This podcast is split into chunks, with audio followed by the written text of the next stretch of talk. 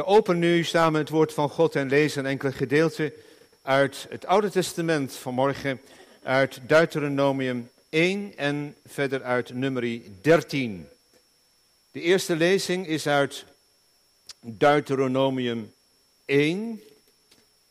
In de volgorde van de Bijbelboeken is dat een boek dat volgt op nummerie, maar het vertelt iets over wat er vooraf ging aan nummerie 13. Deuteronomium 1 vanaf vers 18.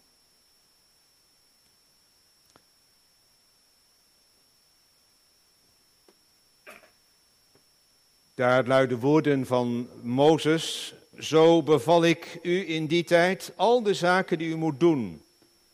Toen braken wij op van Horeb, dat is de plek waar die wet is gegeven, en gingen door heel die grote en vreselijke woestijn die u gezien hebt in de richting van het bergland van de Amorieten, zoals de Heer onze God ons geboden had. En wij kwamen tot aan Kades Barnea. Toen zei ik tegen u, u bent gekomen tot aan het bergland van de Amorieten, dat de Heer onze God ons geven zal. Zie, de Heer uw God heeft het land aan u gegeven. Trek op, neem het in bezit, zoals de Heere, de God van uw vaderen, tot u gesproken heeft. Wees niet bevreesd en wees niet ontsteld. Toen kwam u allen naar voren, naar mij toe, en zei: Laten wij mannen voor ons uitsturen, die het land voor ons verkennen en ons verslag uitbrengen langs welke weg wij het moeten intrekken en bij welke steden wij zullen komen. Deze zaak nu was goed in mijn ogen. Dus nam ik twaalf mannen uit het midden, uw midden, één man per stam. Ze keerden zich om en trokken het bergland in, en ze kwamen tot het dal Eskol en verkenden dat. Dan gaat het hier ook weer verder in deze vertelling, maar dan neem ik even de sprong naar nummer 13, want daar wordt ook in deze geschiedenis gerefereerd aan deze missie, deze verkenners. En dan lezen wij in nummer 13, vanaf vers 25 tot en met 33. Allereerst nummer 13, vanaf vers 25 tot en met 33. Daarna keerden zij terug, dat zijn die verkenners, van het verkennen van het land na verloop van 40 dagen. Ze gingen op weg en kwamen bij Mozes en bij Aaron. En bij heel de gemeenschap van de Israëlieten in de woestijn Paran, bij Kades. En zij brachten aan hen en heel de gemeenschap verslag uit en toonden hun de vruchten van het land. Ze vertelden het Mozes en zeiden, wij zijn in dat land gekomen waarin u ons gestuurd hebt. En werkelijk, het vloeit over van melk en honing. En dit is zijn vrucht. Het volk echter, dat in het land woont, is sterk. De steden zijn versterkt en heel groot. En ook hebben wij daar nakomelingen van Enak gezien. En dan lezen wij.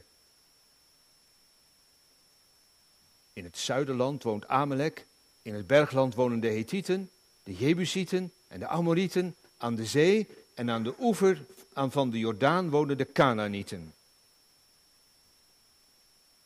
Toen bracht Caleb het volk tegenover Mozes tot bedaren en zei, laten wij vrijmoedig optrekken, wij zullen het land in bezit nemen, want wij zullen het zeker overmeesteren.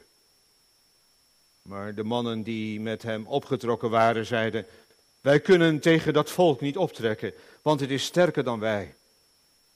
En zij lieten een kwaad gerucht uitgaan bij de Israëlieten over het land dat zij verkend hadden, door te zeggen, het land waar wij doorgetrokken zijn om het te verkennen is een land dat zijn inwoners verslindt.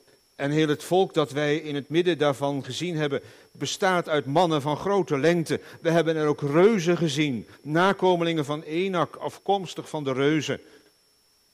Wij waren in onze ogen, eigen ogen als sprinkhanen. En zo waren wij ook in hun ogen. En dan 14 vanaf vers 6. Als de Heere Vers 6. En Jozua, de zoon van Nun en Caleb, de zoon van Jefunne, twee van hen die het land verkend hadden, scheurden hun kleren. Er is een opstand ontgekomen en dan gebeurt dit. En zij zeiden tegen heel de gemeenschap van de Israëlieten, het land waar wij doorgetrokken zijn om het te verkennen, is een bijzonder goed land. Als de Heere ons genegen is, zal Hij ons in dat land brengen en zal het ons geven. Een land tot overvloeit van melk en van honing. Alleen kom tegen de Heere niet in opstand. En u wees niet bevreesd voor de bevolking van het land. Want zij zijn ons tot voedsel. Hun schaduw is van hen geweken en de Heere is met ons. Wees niet bevreesd voor hen. Toen zei heel de gemeenschap dat men hen met stenen moest stenigen. Maar de heerlijkheid van de Heere verscheen in de tent van de ontmoeting voor al de Israëlieten. En dan volgt er een episode dat God zegt, nou is het afgelopen. Mozes die bidt voor dat volk. En dan is God nog tot op zekere hoogte genadig. Maar dan volgt dit woord, en dat is met name de tekst voor de verkondiging in nummerie 20 tot 24. Nummerie 20 tot 24, 14, 20 tot 24. De Heere zei, op uw woord heb ik u vergeven. Echter, zo waar ik leef, de hele aarde zal met de heerlijkheid van de Heere vervuld worden. Want al de mannen die mijn heerlijkheid gezien hebben en mijn tekenen, die ik in Egypte en in de woestijn gedaan heb, en die mij al tien keer op de proef hebben gesteld en niet naar mij hebben geluisterd, zij zullen het land dat ik hun vaderen gezworen heb niet zien. Ja, geen van allen die mij verworpen hebben, zullen het zien. Maar mijn dienaar Caleb, omdat ik hem een andere, in hem een andere geest was en hij erin volhard heeft om mij te volgen, hem zal ik brengen in het land waar hij geweest is en zijn nageslacht zal het in bezit nemen. Nou, dat is een heel stuk. Ik probeer het straks wat samen te vatten. Kern, de tekst voor vanmorgen is maar mijn dienaar Caleb, omdat in hem een andere geest was en hij erin volhard heeft, mij na te volgen, hem zal ik brengen in het land waar hij geweest is en zijn nageslacht zal het in bezit nemen. Over met een andere geest naar de feiten kijken. Heb ik boven de preek geschreven. Met een andere geest naar de feiten kijken hoe je de grootste reuzen aan kunt, terwijl je jezelf zo klein als een sprinkhaan voelt. Dat is eh, een beetje samengevat. Met een andere geest naar de feiten kijken en hoe je de grootste reuzen aan kunt, terwijl je jezelf zo klein als een sprinkhaan voelt. Gemeente van onze Heer Jezus Christus, hier thuis of waar je ook bent, we zijn er bijna. Trage televisie met ruim een miljoen kijkers doorgaans. Naar het concept van Omroep Max. Senioren trekken met hun huis op wielen door Europa en ze hoeven alleen maar het programma te volgen. En dat is allemaal heel erg gezellig, althans in het algemeen. Programma volgen. Over een programma gesproken. Van het concert van het leven krijgt niemand een programma, leest een antiek tegeltje. Maar ik vind dat eigenlijk maar een kaal tegeltje. Een tegeltje niet zo van, nou ja, want ik geloof dat dat tegeltje maar half is. Die tekst althans op dat tegeltje. Want degene die in God geloven, van de God van Abraham, Isaac en Jacob, en de God van, van Jezus Christus, onze Vader, van Christus Jezus, die belooft dat hij erbij zal zijn in dat hele concert van het leven. Toch? De Heer is zijn naam. Ik ben erbij. En als je mij volgt en mijn aanwijzingen volgt en mijn wet volgt, dan kom je tot je bestemming. Dan kom je in het land dat ik je heb beloofd. Dat. Intussen is het nog wel een uitdaging. Om maar even wat uh, zo, als we dat wel eens zeggen tegenwoordig. Uitdagingen. Nou, wat is dan die uitdaging? Dat het land nog wel veroverd moet worden. Welk land? Nou, heel concreet, het land hier, Canaan. En dat nog een andere uitdaging is, dat je ook heel lang moet wachten voordat je in dat land komt. Tenminste, ook weer in het algemeen gesproken. En dat je door heel veel woestijn moet. En om het dan vol te houden, hij is erbij. En het ook steeds weer opnieuw tegen jezelf te zeggen: Ja, maar u hebt het toch beloofd? Ook tegen God te zeggen. Dat vraagt volharding. Nou, dat spant hier in dit hoofdstuk met name om die belofte en het geloof in die belofte en de volharding.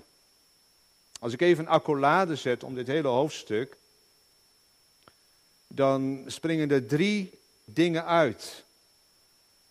Het eerste wat er uitspringt is dat je op God vertrouwt. En als je niet op Hem vertrouwt,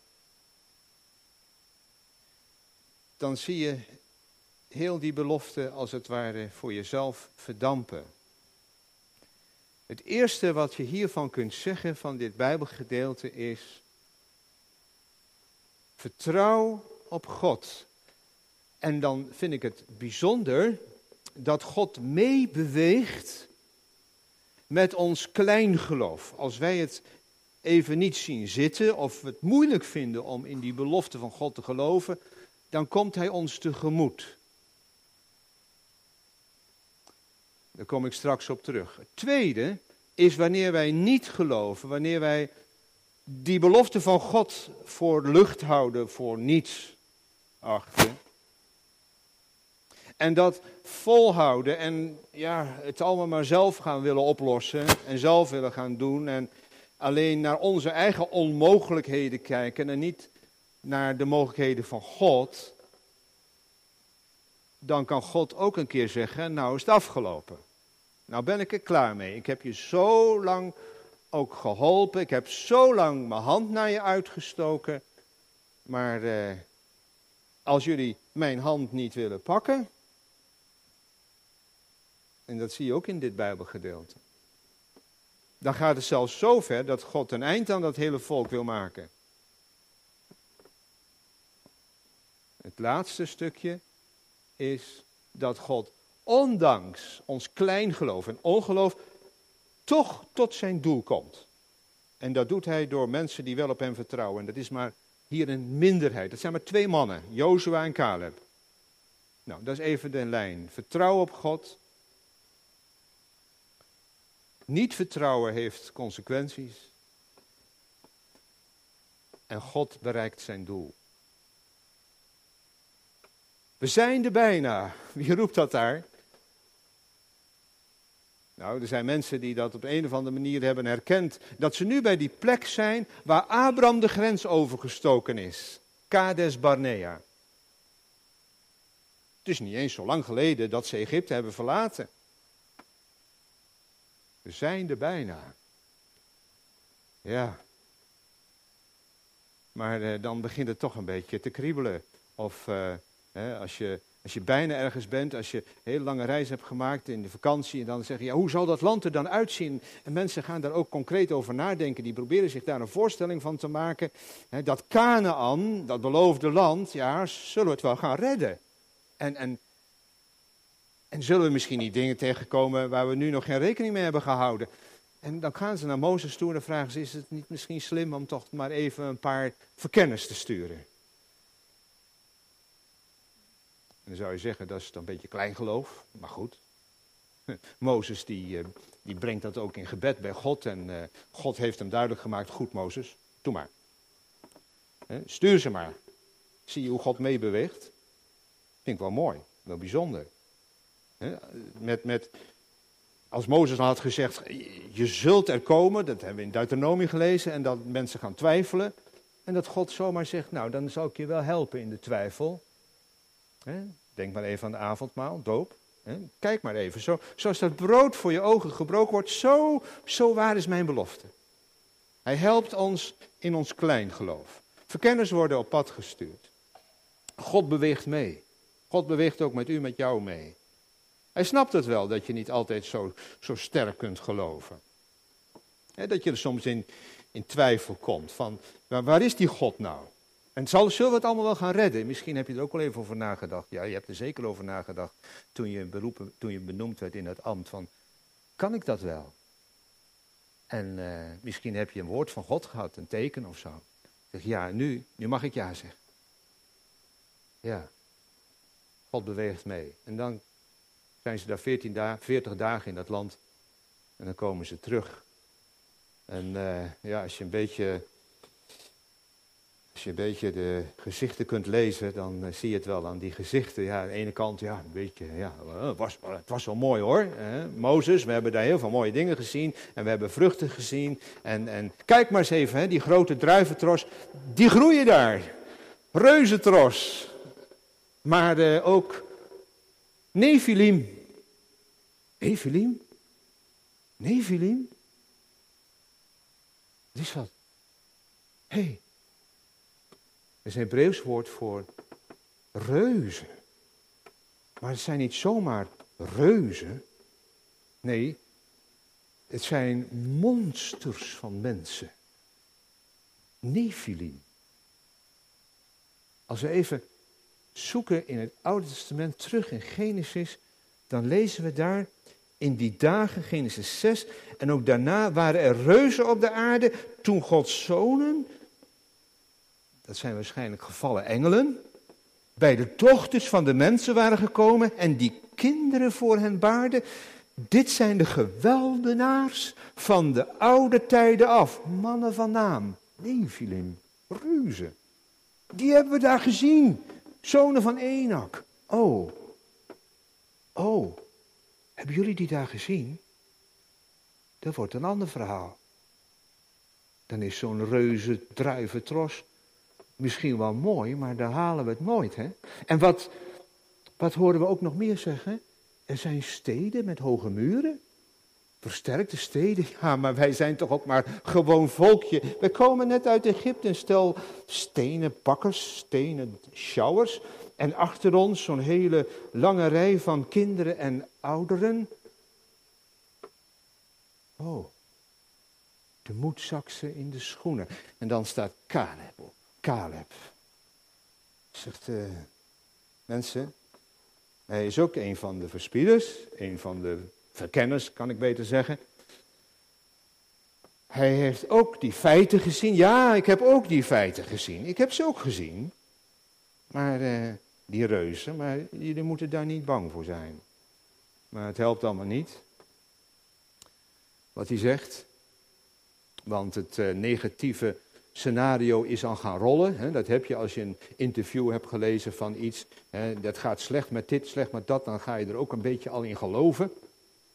Nou, meteen begonnen ze het negatieve te geloven. We hebben ook de neiging om het negatieve te geloven. Hè. Niet het positieve. Oh, het gaat allemaal slecht, dit en dat. En uh, Caleb kon zeggen wat hij wilde, maar uh, ze begonnen zelfs in opstand te komen. En Mozes en Aaron, die, die vallen op hun knieën. En, en dan, hè? Dan nog een keer zegt Caleb, mensen, luister toch. Luister naar dit woord, want als de Heer met ons is, dan zal het lukken. Maar het is olie op het vuur. En mensen willen de stenen oppakken om Caleb en ook die in het kielzog van Caleb kwam, Jozua, te stenigen. En toen viel de bliksem in. De bliksem, ja, ik zeg het maar zo. De heerlijkheid van God daalde neer. En nou is het afgelopen. Jullie hebben verkennis gekregen, ik ben jullie tegemoet gekomen. Maar jullie willen toch kennelijk niets weten van mijn woord. Dat ik erbij zal zijn. En ja, als liefde, hè, als liefde wordt gekrenkt. Als iemand zijn hand naar je uitsteekt, moet je je even voorstellen. Hè? Iemand die loopt naar je toe, die steekt zijn hand naar je uit en jij eh, doet zo. Dan zegt hij, is er toch echt wat aan de hand, hè? Is er toch echt wat aan de hand? Dan voel je toch uh, gekwetst. Jij steekt je hand uit, God steekt zijn hand uit naar ons. En wij. En dan zegt God, nou heb je dat al tien keer gedaan? Is het al tien keer hetzelfde liedje?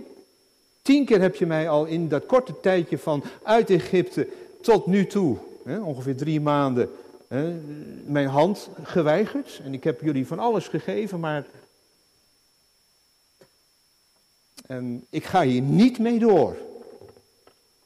Zo is God ook, hè? Hij is een heilige God. En dan zegt hij, dat hele volk, dan zegt hij tegen Mozes, vernietig ik door de pest. Dat is waar. Ja, dat is wel waar. En dan komt Mozes. Gaat hij tussen dat volk en God instaan zegt hij, Heere God, doe het niet.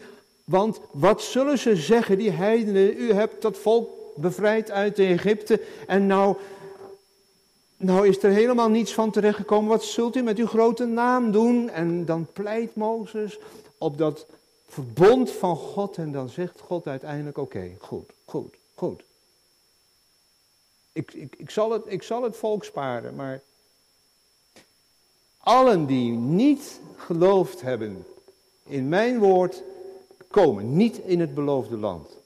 En zo gebeurt het dat de hele generatie die uit Egypte is getrokken het land niet heeft gezien. Dat is wat. Hoe serieus is het als je de hand van God weigert? Tien keer. Is maar een getal natuurlijk, maar structureel. Ja, dat, dat houdt een keer op. En dan zegt God, maar mijn knecht Caleb, en daar blijven twee over, is niet voor te stellen. Twee over van al die duizenden, honderdduizenden, hoeveel waren het er precies, die Egypte hadden verlaten. Niemand kwam in het land Kana uiteindelijk, want je zult nog veertig jaar in de woestijn hier ronddolen, heeft God gezegd. hebben ze er aan zichzelf te danken. Ja, dit is een heftige preek. Dat is een heftige preek. God is een heilig God, die laat niet met zich spotten. Maar, maar, als je dan dat derde luik ziet, het eerste luik is vertrouw op mij, God beweegt mee. Het tweede luik is, als je niet gelooft, dan komt er een keer een stop, dan, dan, dan zegt God het is nu afgelopen.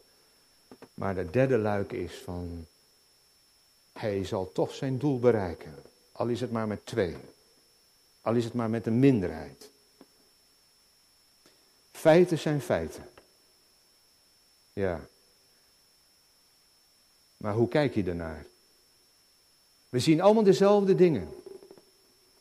Ook in ons land waar we nu leven, waar we allemaal over inzitten, energiecrisis en financiële crisis en, en crisis op crisis. En we dachten, we waren er bijna.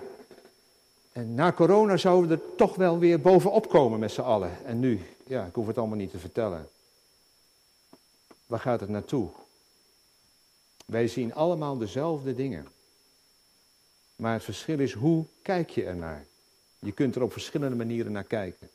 En dan horen we vanmorgen, hoe kijk je naar de feiten? Ook de feiten van nu, waarin we nu leven. Die ons schrik aan kunnen jagen, want je zult maar ondernemer zijn en, en, en afhankelijk zijn van hoge energiekosten. En je zult maar werknemer zijn en de touwtjes niet aan elkaar kunnen knopen. Dat is een realiteit voor bijna 2 miljoen huishoudens nu. Waar gaan we naartoe? Ja, waar gaan we naartoe met deze wereld? Waar gaan we naartoe met het klimaat? Ja, kunnen doemscenario's je bang maken. Maar mijn dienaar Caleb, zegt God, omdat in hem een andere geest was en hij erin volhard heeft mij na te volgen, hem zal ik brengen in het land waar hij geweest is. En zijn nageslacht zal het in bezit nemen. Een andere geest. Ruach Ageret staat er in het Hebreeuws. Dat is niet de geest van God direct, maar dat is een andere geest. Een geest die spreekt van een andere gesteldheid. En een andere geestesgesteldheid. Andere gezindheid. Caleb had een andere gezindheid. Dan die andere. Dan de rest. En Jozua was met hem. Een andere gezindheid. We lezen datzelfde woord ook in nummer 5, waar het in negatieve zin wordt gezegd. Dat er een soort achterdocht is. Er kan een achterdocht zijn van een man als hij vermoedt dat zijn vrouw vreemd gaat. En dan is er ook een achterdochtige geest. En dat is hetzelfde woord, de geest van de achterdocht. En hier is het de geest die op God let. Je kunt de geest van achterdocht hebben en je kunt de geest hebben die op God let. En dat is de geest van Caleb. De geest van Caleb, die bij zijn Heer bleef. Zoals ik de kinderen zei, bij zijn baasje. Bij God. En van Jozua wordt het uitdrukkelijk gezegd in Exodus 33 dat Jozua in de tent van God bleef. Hij was altijd dicht bij God. Jozua en Caleb. Vrienden in de Heer. Broeders. Die voor God gingen. Broeders. Broeders. Jozua's. Caleb's. Hier in de kerk. We hebben ze nodig vandaag. We hebben jullie nodig, we hebben u nodig, we hebben elkaar nodig. Caleb's, in wie een andere geest is, die niet uit dat negatieve doemscenario denken. Geen wappies, niet die in complottheorieën geloven, maar die geloven dat God regeert. En dat het God niet uit de hand loopt.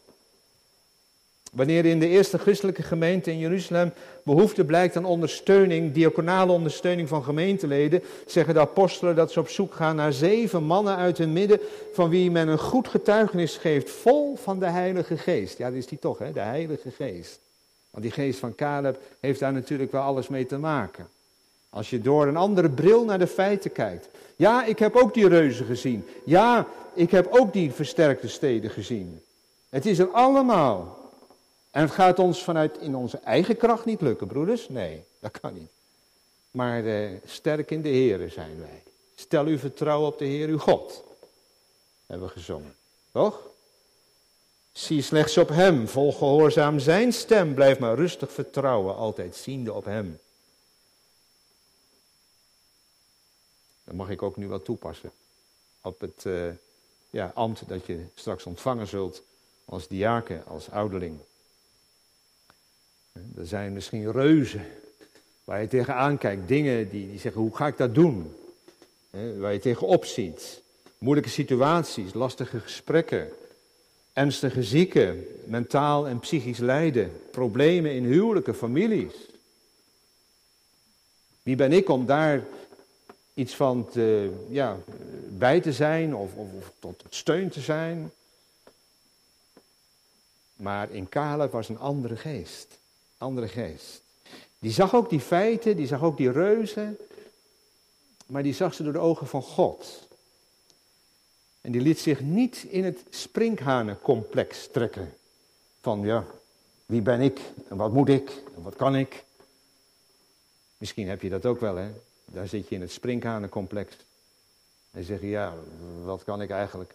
En uh, wie ben ik eigenlijk? En, uh, dan ga je helemaal in het negatieve. Dat kan zo ver gaan dat je daar op een gegeven moment er ook niet meer uitkomt.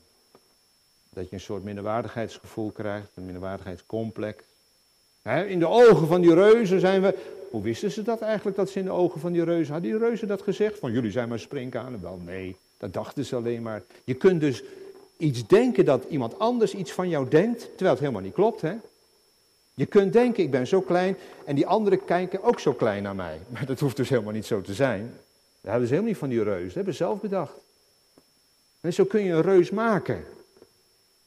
En zo kun je een reus van allerlei dingen maken.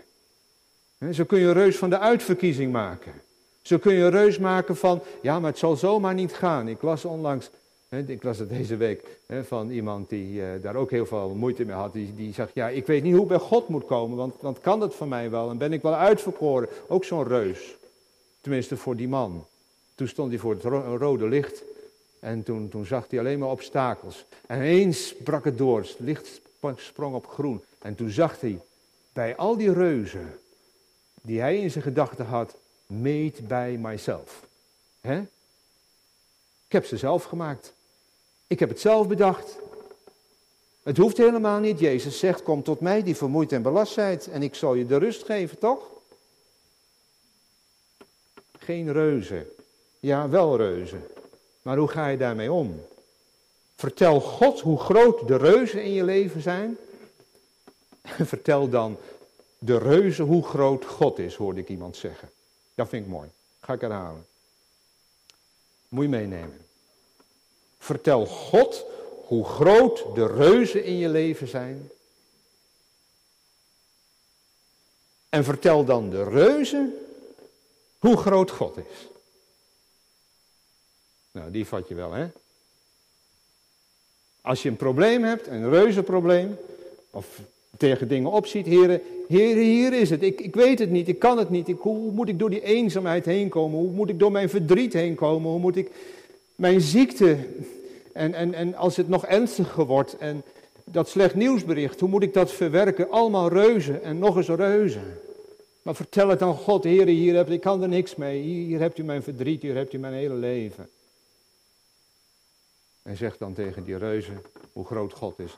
Ja, ja, het is waar. Het is moeilijk. En er zijn dingen die, uh, waar je tegen oploopt en die, die je zelf niet meer kunt verwerken en waar je zelf geen kracht voor hebt. Ook in het ambt niet. Maar dan mag je zeggen hoe groot God is. Hoe groot God is. Ja, we zijn er bijna. In de preek ook. Maar dan nog één ding. Waar halen we dit allemaal vandaan? Nou, dat halen we uit die ene. Die, die allergrootste reus, dat monster van de dood, te lijf gegaan is. Die dood die ons allemaal bang kan maken. Ik ben de opstanding en het leven, Jezus Christus. Hij wil ons bevrijden uit het sprinkhanencomplex, zo gezegd. Uit die twijfel, uit die angst. Is het wel voor mij en zijn mijn zonden wel vergeven? Is er wel genade voor mij of wat het dan ook mag zijn? En hij zegt ook tegen je vanmorgen, hij die roept is getrouw, die het ook doen zal. Ik zal het doen, ik ben bij je, ik ga met je mee. Je staat er niet alleen voor als je naar het adres gaat, als je met de jongeren spreekt. Dan zou je maar diaken geworden zijn om maar voor één van de jongeren die je bij God mag brengen. Natuurlijk hoop je dat het veel en veel meer zijn, maar, maar goed. Vertrouw op God, hij, hij zal je gebruiken. Want mij is gegeven alle macht. Jezus spreekt de reuzen tegen. Echt waar mij is gegeven. Alle macht in de hemel op de aarde, hou vol, je gaat het redden. Met mij. Ik heb voor je gebeden dat je geloof niet ophoudt. Ik heb de reus van de dood overwonnen en zal hem straks helemaal teniet doen. Keer je om. Keer je om van een negatieve gedachte naar een positieve gedachte. Metanoia is dat. Bekering. Ik schep nieuwe hemel en nieuwe aarde. Wij laten ons niet leiden en verleiden door doemscenario's. Ja, er is een toekomst vol van hoop. Dat is wat je hier in de kerk hoort. En daar mag je mee naar huis gaan. Als je in Christus bent, ben je een nieuwe schepping. Als je in Christus bent, dat zeg ik er wel bij. Als je in Christus bent, in Hem gelooft, heb je de Heilige Geest ontvangen. En leef je uit een andere geest, kijk je anders naar de feiten. En daarom is het zo belangrijk dat je in Hem bent. En daar niet aan voorbij leeft. Dat hij zijn hand naar je uitsteekt en dat je zegt, ja hier, hier ben ik. Heb je het al gedaan? Mag ik even aan de jongeren vragen hier in de kerk, maar ook aan de ouderen, wie je ook bent. Heb jij je leven al aan de Heer Jezus gegeven? Heb je dat? Dan is vandaag de tijd, is nu. Je zegt, Heer, hier ben ik. En je weet niet of je de volgende week nog bent. En daarom heden, zoals je de stem hoort, verhard je niet, maar laat je leiden. Een ernstige roeping, een roepstem van God. Kom tot Hem, dat het niet te laat is. En als je Hem hebt gevonden, dat je met Hem mag leven. En zo ben je hier ambtsdrager ook om elkaar te bemoedigen. Daarvoor draag je het ambt. Daar doe je het voor. Mijn shalom wordt werkelijkheid. Dat is het woord dat we hier mogen verkondigen. En daar doe je het allemaal voor. Toch? Als ambtsdrager. Daarvoor ga je naar mensen toe. Daar bemoedig je mensen mee.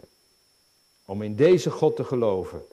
En dan eh, die belofte? Ja, twaalf en half jaar gediend, Arjan? Zes jaar, vier jaar, maakt niet uit, vijf jaar. Herbevestigd straks weer. Wanneer komt nou die beloning? Nou, je krijgt er helemaal niks voor. Oh nee? En hun werken volgen met hen, staat er. Staat ook in de Bijbel. Ja. Wees maar getrouw. Gewoon maar je, je, je ding doen. En dan hoef je niet over die beloning in te zitten.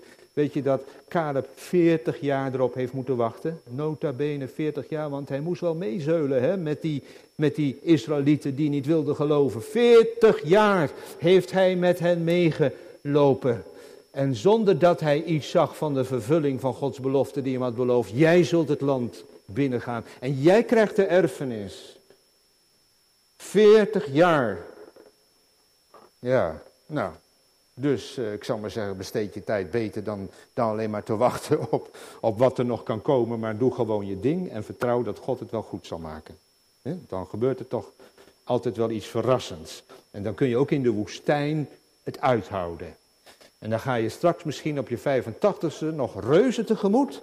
En dan, dan kun je steden innemen, zoals Caleb dat heeft gedaan. Dan ben je nog jong en krachtig als God je het leven geeft, omdat je bent blijven geloven in, in zijn trouw. Omdat hij steeds tegen de reuzen heeft verteld hoe groot God was, is en zal zijn. En dat noem je nu in de overwinning gaan staan.